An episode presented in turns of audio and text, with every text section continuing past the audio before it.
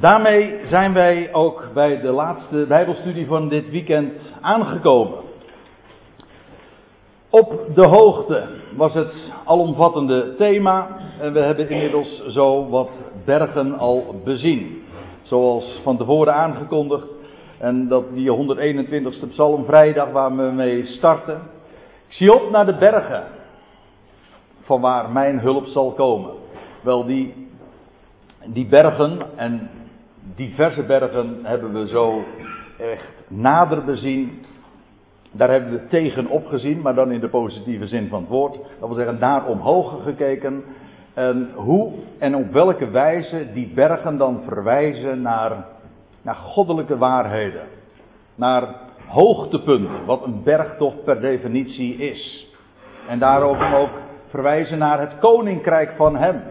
Maar het verwijst naar zoveel meer dingen. Nou, we hebben de berg Sinaï, we hebben de berg Sion. Vanmorgen dan de Olijfberg. Eh, wat onderzocht en be, bestudeerd. En we zijn natuurlijk door heel veel schriftplaatsen heen gegaan. En ik weet, het, voor een aantal van u was het misschien wel heel erg veel. Zeker als je niet echt vertrouwd bent met de met bijbelse geschiedenis in het algemeen. En als je dan zoveel namen, zoveel geschiedenissen te horen krijgt, misschien wel voor het eerst. En als je dan bovendien ook nog eens getrakteerd wordt op zoveel ja, vergezichten, dingen die onder de, oppervlakte, op, onder de oppervlakte liggen. En allerlei verbanden nog weer met ziet met andere waarheden. Ik kan me voorstellen dat het zomaar dan ook gaat duizelen. Ik kreeg van iemand ook de vraag van, ja, je hebt het nu over hoogtepunten, over bergen. Uh, maar ja, waar bergen zijn, daar zijn ook dalen niet waar. Uh, zijn die er dan niet? Nou, in de eerste plaats, dat was niet het onderwerp. Hm? Nee, we gingen het hebben over de bergen in de Bijbel en, en ik wilde u op de hoogte stellen. Die dalen, die zijn er toch wel. Hm? Ik wil u, en als je in het dal bent, op welke wijze dan ook hoor. Ik heb dit weekend ook wel verhalen gehoord en ja, er is ruimschoots ook de gelegenheid geweest om elkaar te ontmoeten en om ook, ook wat ja, persoonlijke dingen daarin uh, door te geven. Ja, daar zijn moeilijkheden in het leven. Er zijn dalen. Trouwens, er is een heel mooie psalm, psalm 84, waarbij je leest van dat zelfs ja, nee, je hebt Psalm 23, ja, die, daar denk ik ook aan. Zelfs al, zelfs al ga ik door een dal van schaduwen des doods, ik vrees geen kwaad. Uw stok en uw staf, die vertroosten mij. Als je die stok en die staf van hem kent, die ook weer verwijzen naar opstanding, wel, dat geeft troost, dat geeft licht. En dan ga je opzien naar boven. Maar ik, ik, wilde eigenlijk een andere psalm nog citeren, namelijk dat al gaan wij door een dal van. Hoe staat het er?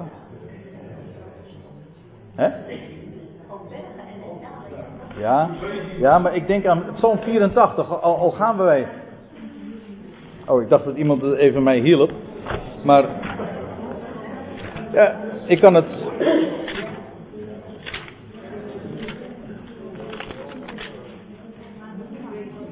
Oh ja, al trekken zij door een dal van, balsems, uh, van balsemstruiken, door een tranendal. Uh, u kent de uitdrukking, die is ontleend aan dit vers. Zij maken het tot een oord van bronnen. Kijk, zelfs dan.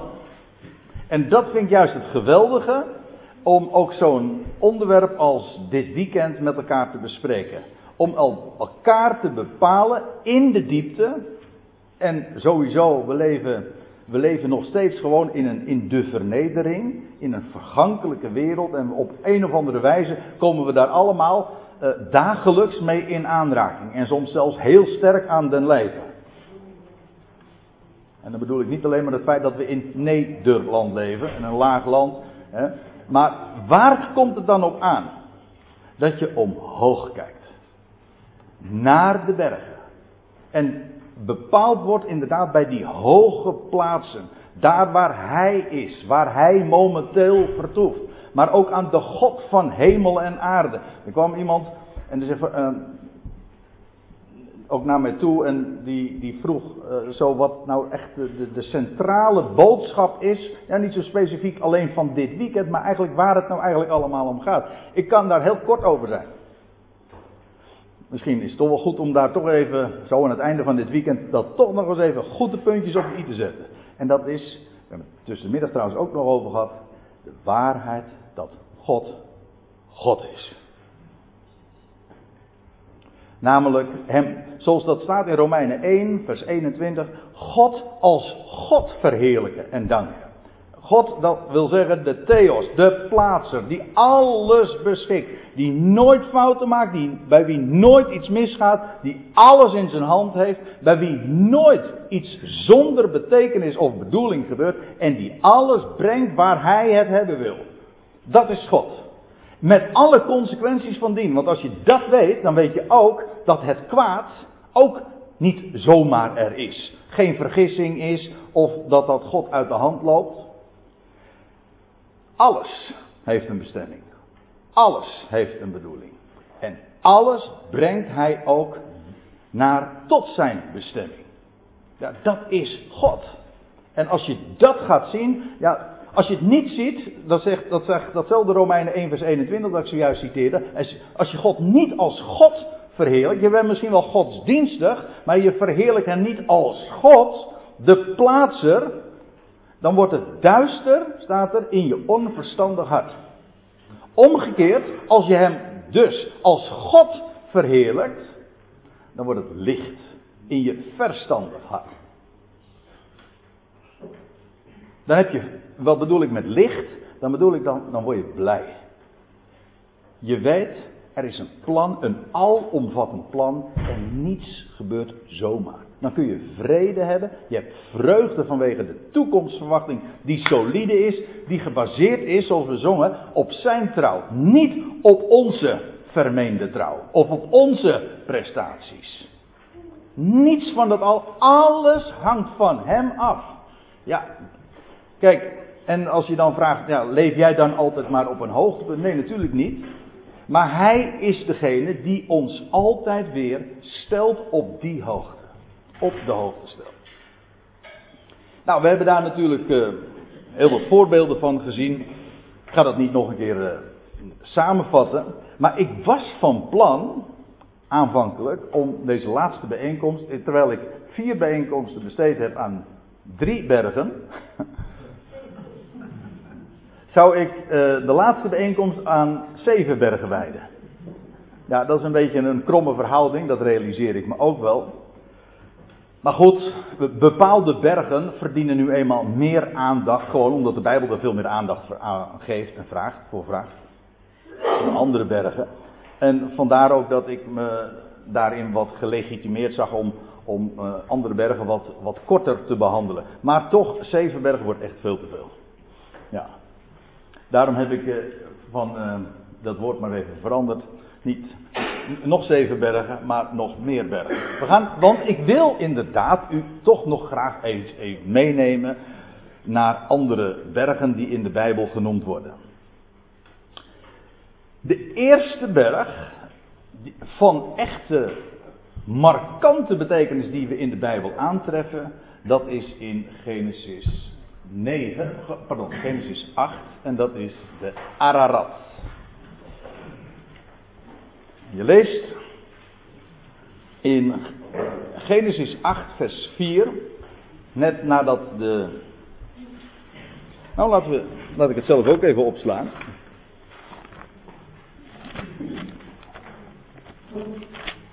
Genesis 8. Dagen van Noach de dagen van de grote vloed. De dagen van de ark. Waarin acht zielen waren. En dan lees je. Na verloop van een half jaar. En dan staat er. En in de zevende maand. Nou moet ik even iets erbij zeggen. Dat kan wat ingewikkeld overkomen. Maar het valt mee. De zevende maand werd later. In de dagen van de uittocht uit Egypte. Voortaan de eerste der maanden. Dus wat altijd de zevende maand was, werd voortaan de eerste maand. Zodat ook de eer, wat vroeger de eerste maand was, werd de zevende maand. Het, je kreeg dus een verschuiving van het jaar. Van de kalendertelling. Van de, nou, van de maandentelling, zo moet ik het zeggen. Dus voor de uittocht, de maandenrekening was anders. Het is een half jaar verschoven. Vandaar dat Israël tot op de dag van vandaag, het Jodendom, twee kalenders heeft. Een kalender uh, waarbij men rekent, zoals we nu uh, de maand Nisan, vorige maand was de maand Nisan, dat is de eerste der maanden geworden. Maar ze hebben een, men spreekt dan over een, een godsdienstige uh, kalender en over de burgerlijke kalender. En die verschilt precies een half jaar van elkaar. En dat heeft hier allemaal mee te maken, althans met wat er in de uittocht, bij de uittocht uit Egypte is gebeurd. Ik ga dat nu niet verder uiteenzetten. Het enige waar ik u even op wil attenderen is het feit dat als hier sprake is van de zevende maand, die zevende maand zou jaren later, sinds de uittocht uit Egypte, de eerste der maanden worden. U leest dat in Exodus 12. Een heel wonderlijk fenomeen. Maar dus als hier staat in de zevende maand, dan moet je denken, oh dat is, dat is sinds de uittocht de eerste maand. Aha. Oké. En dan staat er dus in de zevende maand, later de eerste maand. Op de zeventiende dag van die maand bleef de ark vastzitten. Maar lees hem mee zoals de, de Statenvertaling het ook formuleert. Namelijk bleef de ark rusten. Kreeg de ark rust op het gebergte van Ararat. Dus, stel het je even voor. Een gigantische vloot. Heel de mensheid, al wat leeft, kwam daarom, daarin om. Behalve dat wat zich bevond in de ark. En die ark, terwijl de hele wereld trouwens nog helemaal blank stond. Er werd nog niets gezien van land. Van dat wat uit de wateren zou opstijgen. Er werd nog niets van gezien. En toch, de vaste grond was gevonden. En wat is nou hier zo bijzonder aan? Nou, diverse dingen, maar ik wil u in de eerste plaats, daarom gaf ik even zojuist die uiteenzetting over die kalender, over die kalender en, en over die maandentelling. Dit was de eerste maand, de maand Nis. Dat wil zeggen, de latere eerste maand, oftewel de maand Nisan. De maand Aviv, de lentemaand. Aviv betekent lente. En op de zeventiende dag van die maand, dat was de dag Drie dagen na de veertiende. En u weet, de veertiende Nisan. Ik zeg, u weet.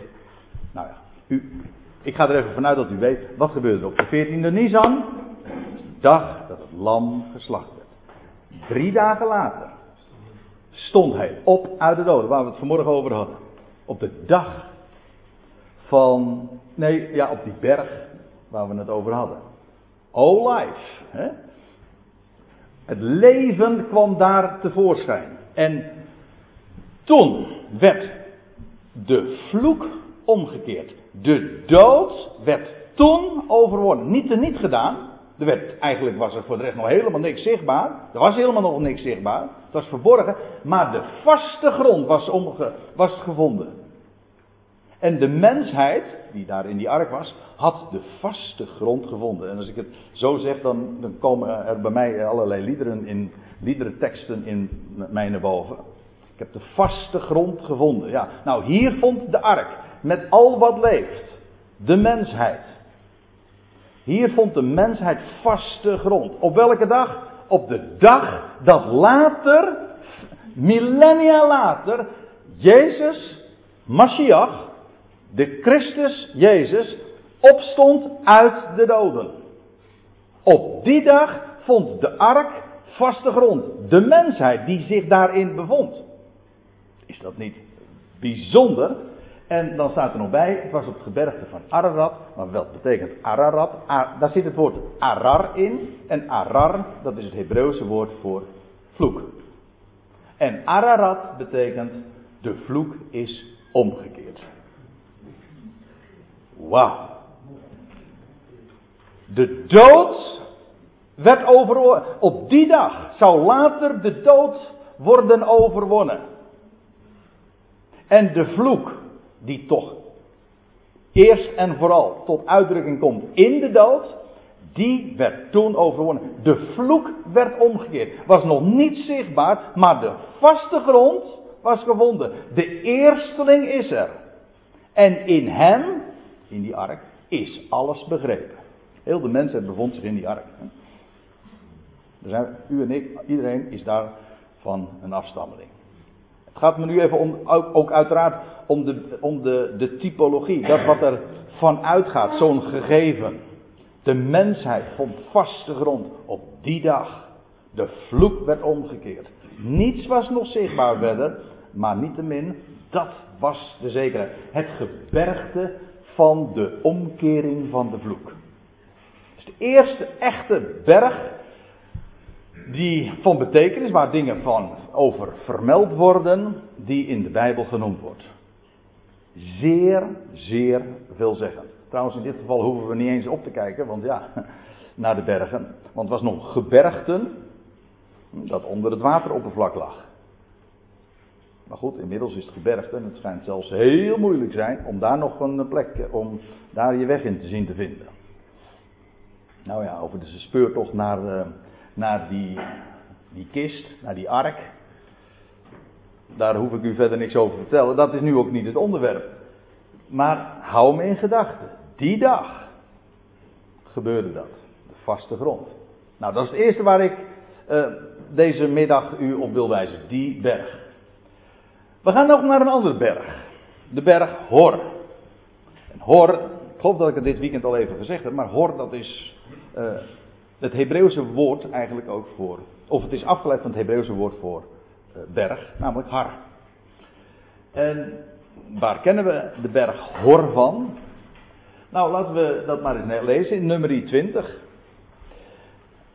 En Mozes deed zoals de Heer geboden had en zei, nou ja, dat zou je dus even in het voorgaande moeten lezen, maar het gaat me nu even om wat er vervolgens vermeld wordt. Hij deed zoals de Heer geboden had en zij, zij beklommen de berg Hor. Zij, dat wil zeggen eh, Mozes en Aaron. En ten aanschouwen van de hele vergadering.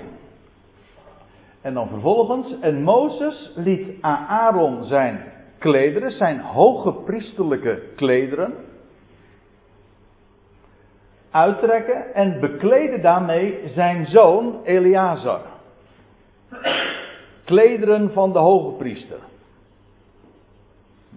Nou, dat is een hoofdstuk apart. Dat bedoel ik letterlijk zo. Want er is inderdaad een heel Bijbelhoofdstuk, en volgens mij zelfs nog meer, dat melding maakt van en een beschrijving geeft van dat, dat kleed en alles wat daarbij, want het was niet alleen een bekleding, het was bovendien ook nog een hoed. Uh, en al, en trouwens uh, een, een, kleed en wat heet het? Hoe heet het? De, de borstlap, de efot. Dus dat hoge priestelijke kleed, ja, dat is een schitterend onderwerp. Maar ook dat, dat kleed van de hoge priester, de kleur, dat hemelblauwe. We hadden het trouwens gisteren nog even over de, de zoon van het kleed, weet u nog? Over Psalm 133, over die, die kostelijke olie. Weet je wel, dat spul dat op de olijfberg. Uh, nou ja. Die olie die neerdaalt op, de, op het kleed van Aaron. Tot op de zomen van zijn klederen. Nou. Aaron trekt zijn hoge priesterlijke kleed uit. En vervolgens wordt zijn zoon Eleazar daarmee bekleed toen stierf Aaron daar op de top van de berg. En Mozes daalde met Eleazar van de berg af. Eleazar, dat is dezelfde naam als die we trouwens ook bij diverse gelegenheden in de Bijbel aantreffen, Eliezer. En Eliezer, of Eleazar, dus, dat is God is mijn helper, of God is mijn hulp. Eli betekent mijn God en Ezer heeft te maken met hulp. E ben Haezer, zoals deze locatie uh, die naam ook draagt. Uh, e ben, e ben Haezer betekent steen der hulpen. Wat vervolgens uitgelegd wordt als tot hiertoe heeft de Heer ons geholpen. Maar de naam zelf betekent Eben, steen, Haezer van de hulp. Wel, Eliezer is God is mijn helper. We kennen ook iemand in het Nieuwe Testament die zo heet. Alleen dat is wat moeilijker te herkennen, omdat dat weer in het Grieks is omgezet. U weet hoe dat gaat met namen. Als je in het, eh, in het Hebreeuws zo heet, dan heet je in het Grieks, klinkt dat dan weer anders. Maar het is gewoon dezelfde naam. Ik bedoel, ik heet in Nederlands André en in het Engels is het weer Andrew. Ja, ik bedoel, een naam uh, dat verandert. Uh, in uitspraak, maar in de betekenis blijft identiek. De Griekse naam is namelijk Lazarus. En we weten allemaal dat als je Lazarus bent, hè, dan heb je, ja, ja, dan heb je hulp nodig. Ja.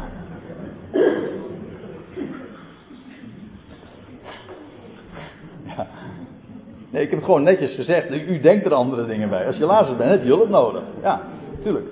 Maar wat is er dan mooier als je weet, mijn God is mijn hulp.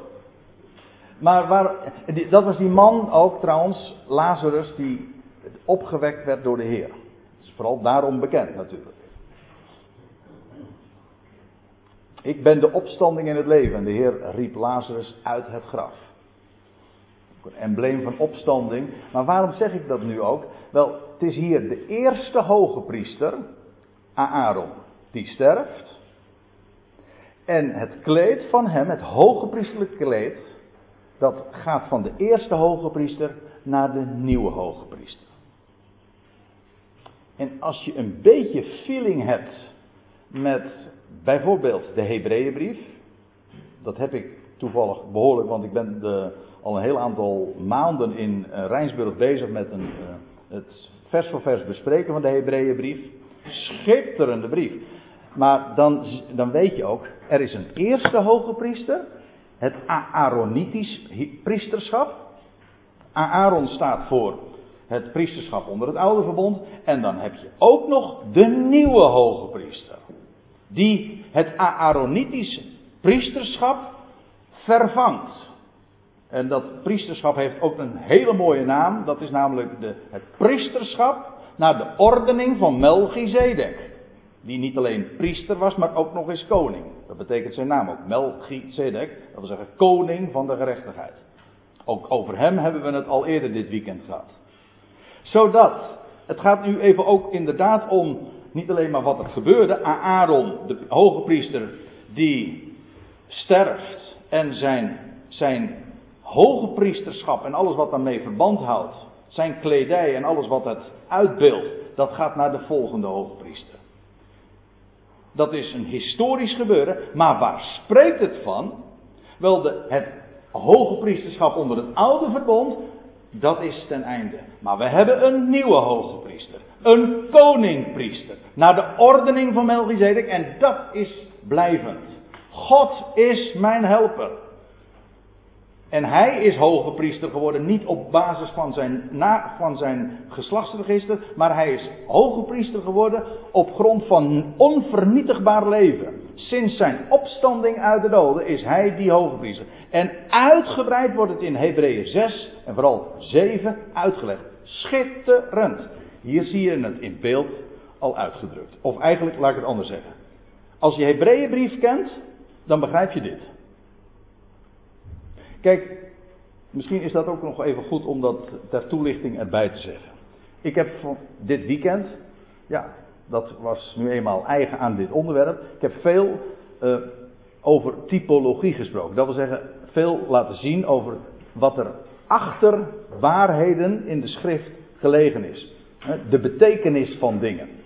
Van geschiedenissen, van verhalen, van rituelen, etc. Typologie dat bewijst niks. Je moet, als je wil weten hoe iets is, hoe een bepaalde waarheid in elkaar steekt, moet je gewoon de schrift lezen. Letterlijk. Dan is het vervolgens wel waar, als je dat ziet, als je bijvoorbeeld de Hebreeënbrief, om even bij dit onderwerp te blijven, je ziet het ene hoge priesterschap wordt vervangen door het andere hoge priesterschap, dan ga je wel allerlei geschiedenissen, verhalen, wonderlijke gebeurtenissen, ga je begrijpen. Je ziet het geïllustreerd. Typologie bewijst niet, het illustreert. Het laat, het laat de schoonheid van dingen zien. En dat is ook de geweldige waarde van typologie. Je kunt er dus niets op baseren.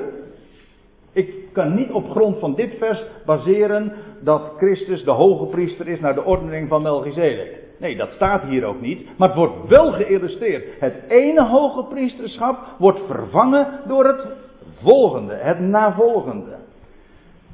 Het oude gaat voorbij, er komt iets nieuws en dat is blijvend. Het eerste gaat voorbij en het tweede wordt gesteld en dat is blijvend. Niet het oude, maar het nieuwe. Niet de eerste schepping, de tweede schepping. Niet de eerste hoge priester, maar de tweede hoge priester. Niet de eerste Adam, maar de. Ja, ja nou denk je. Ja, niet. Ja, de, ik hoorde de tweede Adam. Nee, ja, die twee, dat klopt wel hoor. Het is de eerste Adam, en de, maar de tweede Adam, maar die tweede Adam is de laatste Adam. Dat is namelijk de definitieve versie. Dat andere was eigenlijk alleen maar, ja. Eh, het was om het tweede te introduceren. Niet de eerste offerdienst, maar de tweede offerdienst. Niet de eerste, maar de tweede. Nou, et cetera. Al overal zie je dat in de Bijbel. Niet de eerste schepping, maar de tweede. De nieuwe schepping. Dat is de definitieve versie. En die eerste schepping heeft alleen maar als functie om het tweede te doen stellen. Het was noodzakelijk. Maar het gaat om, wat, om het navolgende. Nou.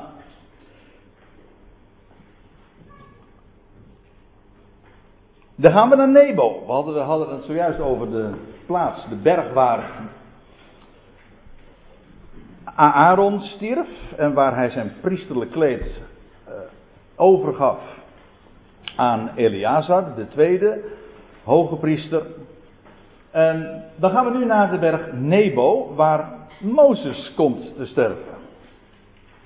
Deuteronomium 32, het laatste hoofdstuk van de boeken van Mozes. Waarschijnlijk is dit een appendix, een aanhangsel, wat door latere redactie is bewerkt. Wellicht door Esra. Afijn. Het is het laatste hoofdstuk van de boeken van Mozes en dan lees je dit. Voorts zeide de Heer op diezelfde dag tot Mozes: Beklim dit gebergte, de Abarim, de berg Nebo, die in het land Moab ligt, tegenover Jericho.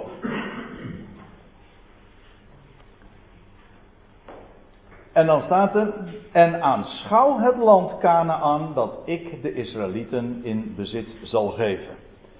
Nou, daar zit natuurlijk een sombere ondertoon in, omdat uh, Mozes nooit zelf het land heeft binnengewandeld, het eh, land heeft mogen betreden. Waar hij zijn volk al die jaren naartoe geleid heeft. En vlak voor de ingang nu, ze zouden, ze zouden inderdaad het land eh, gaan binnentrekken door de Jordaan, maar daarvoor is het dat hij sterft op het gebergte, op de berg van Nebo. En, maar voordat het zover is, krijgt hij een uitzicht te zien. Nou, dat is eigenlijk ook prachtig van uh, gebergte in het algemeen. En degene die uh, zo op vakantie gaan naar Oostenrijk of Zwitserland, die weten natuurlijk heel goed waar het, uh, ja, waarom zijn de bergen zo mooi. Nou, ik denk allerlei antwoorden daarop kunt geven. Maar waarom is het zo geweldig om op een bergtop te staan? Vanwege het geweldige uitzicht dat je hebt. Nou, Mozes werd hier op de hoogte gesteld. En hij had hoop. Hij had uitzicht. En dat bedoel ik ook inderdaad dubbelzinnig. Die man die had uitzicht. God zegt, het land zal je zelf niet meer binnentrekken. Maar Mozes wist. Ooit kom ik. Mozes geloofde natuurlijk net zo in opstanding. Nieuw leven. De graf, het graf is niet het eindpunt. God, wij hebben een levende God die triomfeert over de dood. En wat Mozes daarvan geweten en begrepen heeft, dat weet ik niet precies. Maar ongetwijfeld meer dan wij vaak denken. In elk geval, hij kreeg hier een geweldig uitzicht te zien. Waar is het land dat de Israëlieten in bezit zouden krijgen? En vlak voordat hij stierf, kreeg hij dat uitzicht. En er staat ook inderdaad, en dat God dat wel tegen hem zegt, sterf op de berg die gij beklemmen, gij beklimmen zult, opdat gij tot uw voorgeslacht vergaderd wordt. Sterven zult, slapen zult, tot de dag dat je ontwaakt. Want dat is wat dood is. De dood is als een slaap. Ben je van niets bewust tot het moment aanbreekt, ieder in zijn eigen rangorde, dat je wakker gemaakt wordt, levend gemaakt wordt, ze opstaan. In elk geval, voordat hij stierf, had hij uitzicht.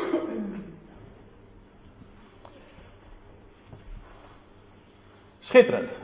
Dat is Deuteronomium 32. Als je in leven en in sterven uit een uitzicht hebt. Hier komen we bij de berg. Ja, hoe zullen we hem noemen? En ik heb daar ook even over nagedacht, want hij wordt namelijk niet benoemd in de Bijbel. Ik noem hem maar even voor het gemak Simpsonsberg. En ik neem u even mee naar Richteren 16. Richteren 16, dat is inmiddels, er zijn er al een paar hoofdstukken gepasseerd in de geschiedenis van Simson.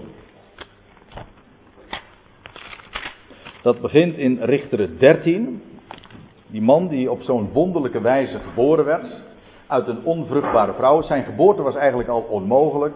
En hij zou een Nazireer gods zijn. En Richteren 14 over dat raadsel, over die overwinning op de leeuw en over honing dat in die leeuw gevonden wordt. Dan komen we in Richteren 16.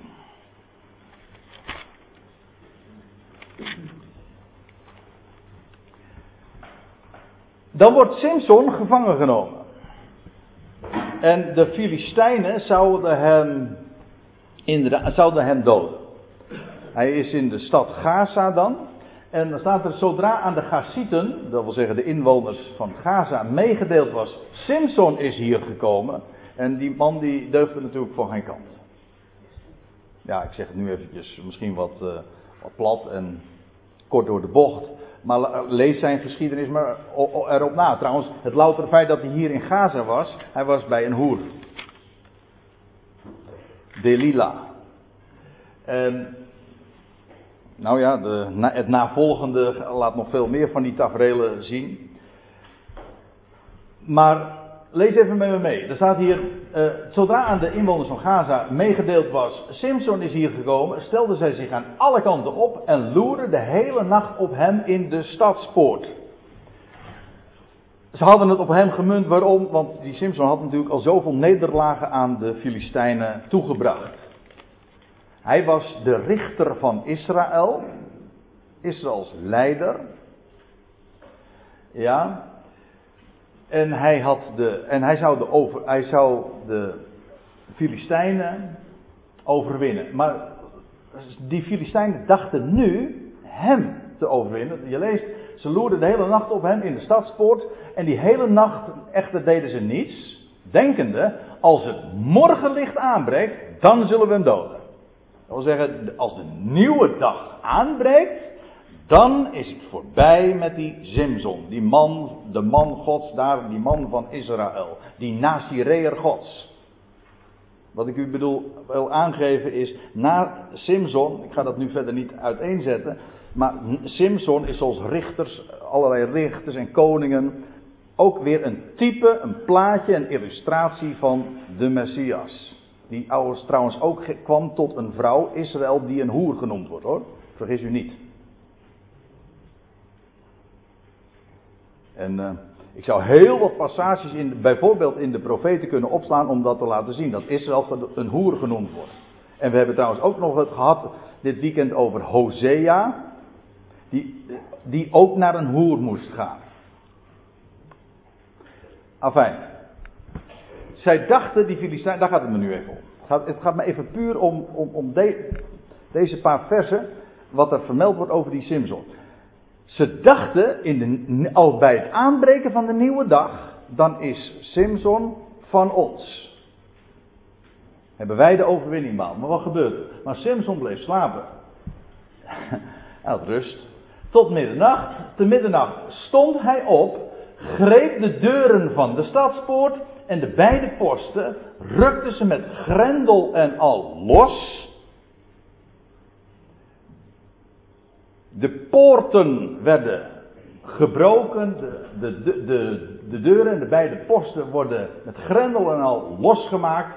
En er staat er, hij legde die op zijn schouders en bracht ze naar de top van de berg, die tegenover Hebron ligt.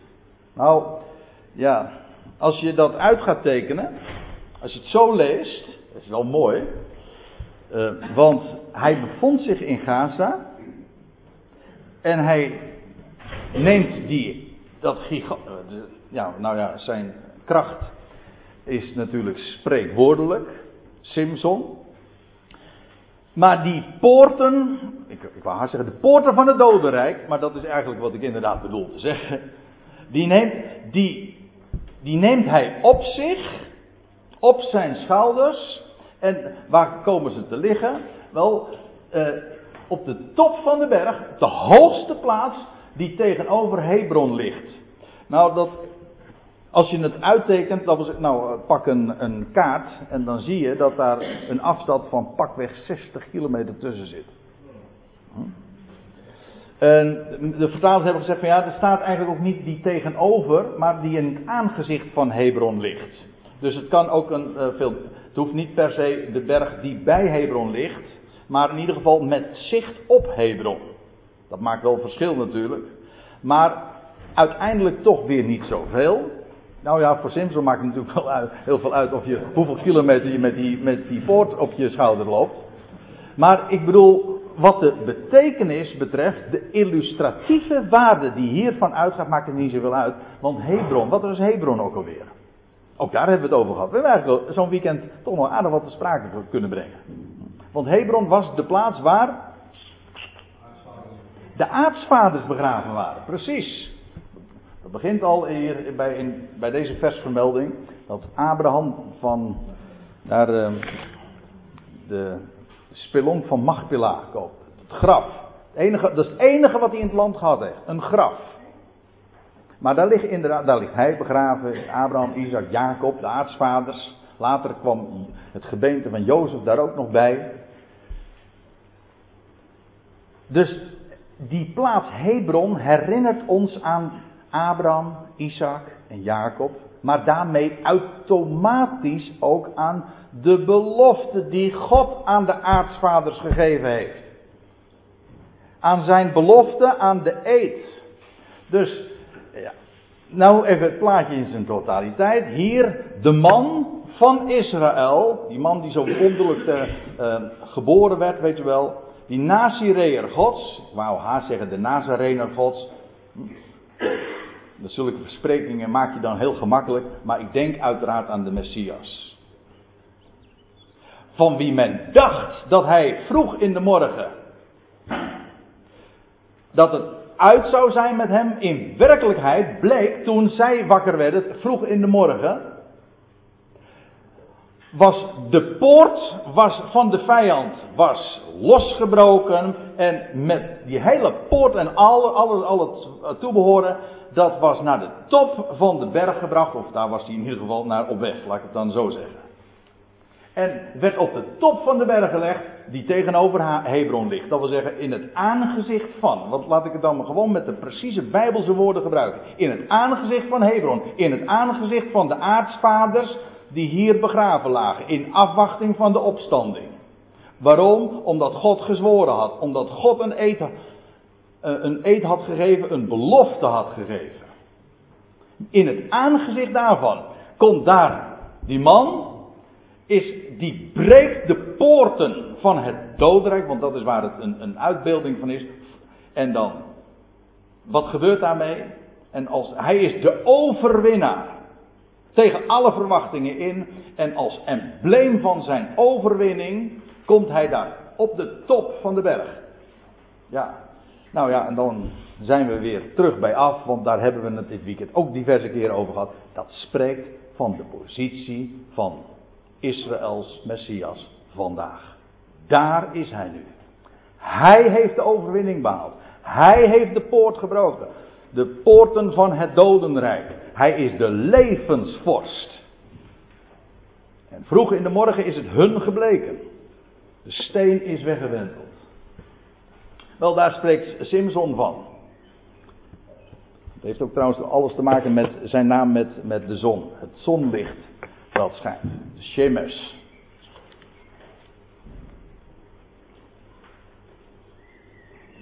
Nou, en dan wil ik u ook nog meenemen nog naar een ander gebergte. Het gebergte van Ephraim. Ephraim wat is Ephraim trouwens? Uh, waar herinnert Ephraim ons aan? Dat was een van de twee zonen van Jozef. En Ephraim was de stam, nou laat ik het anders zeggen, was de zoon aan wie ook weer tegen de verwachting in het eerstgeboorterecht werd gegeven. Zelfs Jozef, van wie we nooit een fout vernemen, vergis zich bij die gelegenheid. Ja, ik, ik, denk even aan die geschiedenis dat Jacob dan op zijn sterfbed de zonen van, van Jozef gaat zegenen. En dan eh, Manasse en Ephraim, die, die, die staan dan naast dat sterfbed van Jacob. Manasse aan de rechterkant, want die was de eerstgeborene. En Ephraim aan de linkerkant. En Jacob wist inmiddels hoe het zat. Namelijk dat het eerstgeboorterecht niet gaat naar de eerste, maar naar de tweede. Niet het eerste, maar het tweede. Daar hadden we het toch net over. En wat doet hij? Het was de bedoeling dat hij zijn rechterhand daar op die man, of ja, aan Manasse zou leggen. En zijn linkerhand op Ephraim. Beide zou hij zegenen. Wat doet hij? Hij doet dit. Hij doet precies, hij, kruist het. Wat mooi hè. Hij kruist zijn armen. Zodat de rechterhand komt te liggen op Ephraim. Ephraim is de eerstgeborene. En wat dat inhoudt, nou meer dan, dan u en eigenlijk dan ik ook denk. Want daar zit, daar zit zo heel veel in besloten. Dat eerstgeboorterecht. Ook van Ephraim. En dan zegt Jacob tegen hem: u zal een volheid der heidenen, een volheid van natieën komen. Woorden die Paulus dan later ook in de Romeinenbrief aanhaalt. Over vergezichten gesproken. Oh. Echt, dat zijn vergezichten. Paul een hoofdstuk later, in Genesis 49, lees je dan dat Jacob de zonen van zijn eigen zonen zegent. En dan lees je ook van, dan voorzegt hij. Als, als dan de woorden klinken, dan staat er, hij sprak over het laatste der dagen. En over. Nee, nee, pardon, ik zeg het nu fout. Uh, hij sprak over toekomstige dingen. Over de toekomst. Dan moet ik even goed zeggen. Ja. Komt bijeen, zegt hij dan tegen die zonen, opdat ik u bekend, opdat ik u bekend wat in toekomende dagen u wedervaren zal.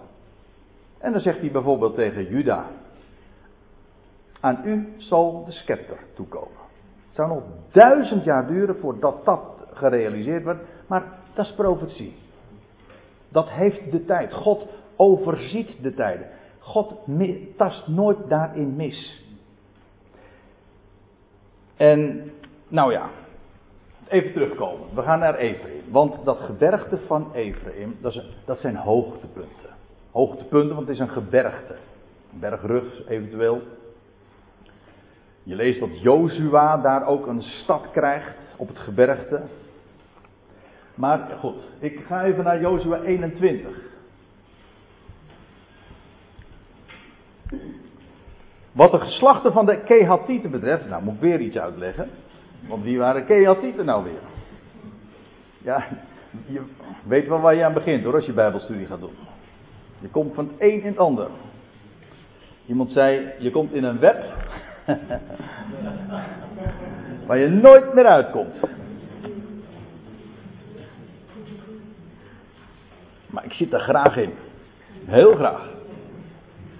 Maar goed, eh, wie was eh, de Kehat? Dat waren Je had de Levieten, dat staat hier trouwens ook, het waren Levieten. Levi had drie zonen. En een van die zonen heette, was Kehat. De stam van Levi kreeg geen erfdeel in het land. Waarom niet? Staat er ook uitdrukkelijk vermeld bij meerdere gelegenheden waarom dat zo is. Jaweh was hun erfdeel. Hun botsdeel. Ze hadden geen land hier op aarde. Ze hadden een, hij zelf was hun erfdeel. Maar dan lees je wat de geslachten van de Kehatieten betreft, de Levieten, die nog overgebleven waren uit de Kehatieten, een overblijfsel dus. Zij verkregen de hun, door het lot toegewezen steden uit de stam van Ephraim. Ze kregen geen land, maar daar mochten ze dan wonen. Op, in het gebied van Ephraim, aan wie het eerst geboorterecht was gegeven, een hoogtepunt. Heeft alles te maken met de tegenwoordige tijd ook. Waar een, in de, deze tegenwoordige tijd, waarin een gemeente, een ecclesia van eerstgeborenen verzameld wordt. Een uitroepsel. Met de hoogste bestemming. En ja, dat is. Uh, dat, en in de, veel vertalingen wordt er dan gesproken over een, een erfdeel. Maar het was geen erfdeel, het was een lotsdeel. Oké, je moet even wennen aan het woord, maar het is een, deel dat hun door het lot was toegekend. Vind ik een prachtig beeld. Iedere keer als je in nieuw, eh, ook in het Nieuwe Testament leest over erfdeel, dan staat eigenlijk het woord lotsdeel. Iets wat je toevalt. Het gaat er niet, gaat er niet om erfenis, om eh, iemand sterft en krijg je een erfenis. Nee, het gaat om een deel, iets wat je toevalt. Toevallig. Je lot. Nee, geen noodlot, maar je lot. Dat, dan zeggen we dat, hè? Dat is mijn lot. Dat is mijn bestemming. En dan zeg je, ja, dat is toevallig. wat bedoel je daarmee? De mens moet er gewoon van met zijn, sorry dat ik het zo zeg, met zijn fikken vanaf blijven. Dat krijg je. En als je als je ogen geopend worden voor wie hij is en voor de rijkdom van zijn woord, dan is dat je lot. Het winnende lot, ja. Dat is geweldig, dat valt je toe. Dat is geweldig, dat is iets dus om dankbaar voor te zijn. En dat is juist het geweldige, we kennen een God, hij plaatst het. Hij doet je dingen ook toevallen. Dus praat gerust over toeval, maar weet dat er één er is die het je doet toevallen.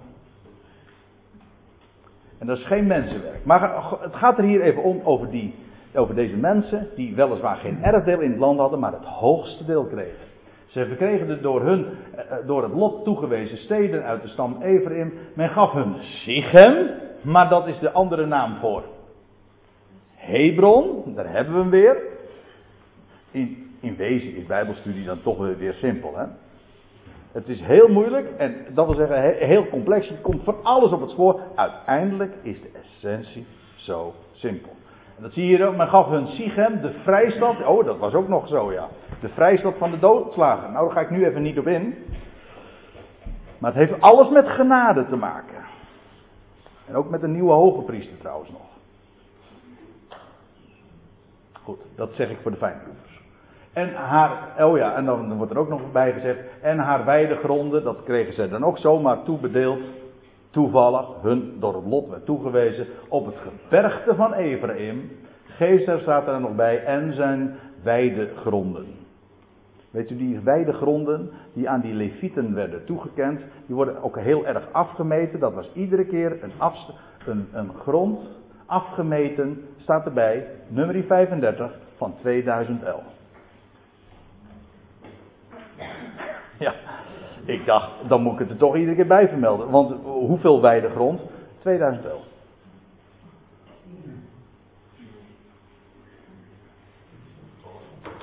Ja. Ja, ik denk bij mezelf, moet ik hier nou nog meer over gaan zeggen? Nee, ik ga dat niet doen.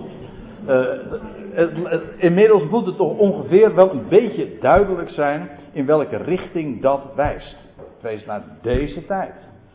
Deze tussentijd, deze onderbreking. Ja. Nou, ik was dus van plan om nog een heel aantal andere bergen te bespreken. Bijvoorbeeld de berg Karmel. Nee,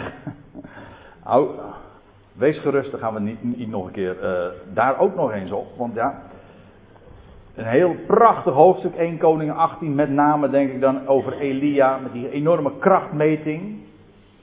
Van die Baalpriesters en hoe God antwoordt. Spreekt van de eindtijd, hoe God beslissend is, zal, zal ingrijpen. Uh, wat dacht u van de Ebal en de Gerizim? Op welke berg moeten we eigenlijk aanbidden? Ze vraagt de vrouw, de Samaritaanse vrouw. Deze of deze? Nou, de Ebal en de Gerizim. Uh, het gebergte van Edom. Waar bijvoorbeeld de stad Petra ligt. Bosra. Waar God straks verlossend vanuit zal uh, opereren. Nou, hoe zeg ik het goed? We zagen toch vanmorgen dat er een vluchtweg gecreëerd wordt naar de woestijn. Nou, dat is naar de woestijn van Edom. En van daaruit zal de Heer verschijnen en vervolgens naar het land optrekken. Het heeft allemaal met dit gebergte te maken. En wat dacht u van de berg van de verheerlijking? Die trouwens ook niet bij name genoemd wordt. Nou ja, men vermoedt dat het een, de Tabor was. Ja, enzovoort. Vele bergen. Dus hebben we nou dit weekend zoveel besproken? Nou eigenlijk niet. We hebben een handjevol bergen besproken. Nou, eh, nog ineens echt twee handen vol. Maar er zijn zoveel hoogtepunten. Zoveel vergezichten. Maar ik hoop dat, toch in elk geval dat een aantal dingen voor u wel wat duidelijker geworden zijn. A. Er ligt zoveel meer onder de Bijbelse oppervlakte dan je voor mogelijk zou houden. B. Dat die bergen altijd te maken hebben met ja, hoogtepunten, maar ook dat Gods woord solide is, zoals de bergen. Op zijn woord kun je altijd aan. Ik sla mijn ogen op naar de bergen. Waarom? Het spreekt van hem waarvan mijn hulp vandaan komt. Wie die gesproken heeft en zijn woord is alles. Dat geeft uitzicht, dat geeft je vrede, dat geeft alles. En ja, als je op die hoogte gesteld wordt, als je zo'n uitzicht mag hebben, als je elkaar ook mag ontmoeten, zoals we dat zo'n weekend doen. Ja, dat zijn eh, van die, ja, in mijn beleving, van die hemelse momenten. Weet je, dan, dan, dan vergeet je alles. Gewoon alle aardse sores uh, in het dal, zeg maar. En dan word je echt ja, op, op hoge plaatsen neergezet door God vanuit zijn woord. En dan krijg je geweldige dingen te zien en te ontdekken. Ja, dat is juist zo het heerlijke om bij elkaar te komen. Op hoge plaatsen. En ik hoop dat we zo met elkaar uh, nog heel veel ook nog uh, gaan, uh, gaan beleven. En ik moet zeggen, het was voor mij een enorm voorrecht om u om een klein beetje als gids te mogen fungeren. En u zo met deze wijze, kijk, kijk let daar eens op. Moet kijken, het staat er zo. En weet je waar dat nog meer staat? Hier en daar. Ik heb het wat voorbereid. En ik heb u gewoon het een en ander daarover gedeeld, meegedeeld. Uh, pretentieloos, uh, bepaald niet met het idee van dat ik alomvattend zou zijn, integendeel, maar wel om iets te laten proeven van de stabiliteit, de soliditeit, maar ook het geweldige uitzicht dat die hoogten ons geven. En het was voor mij een enorm voorrecht om, om dat zo met u te mogen delen. Ik stel voor dat we nog een lied zullen zingen.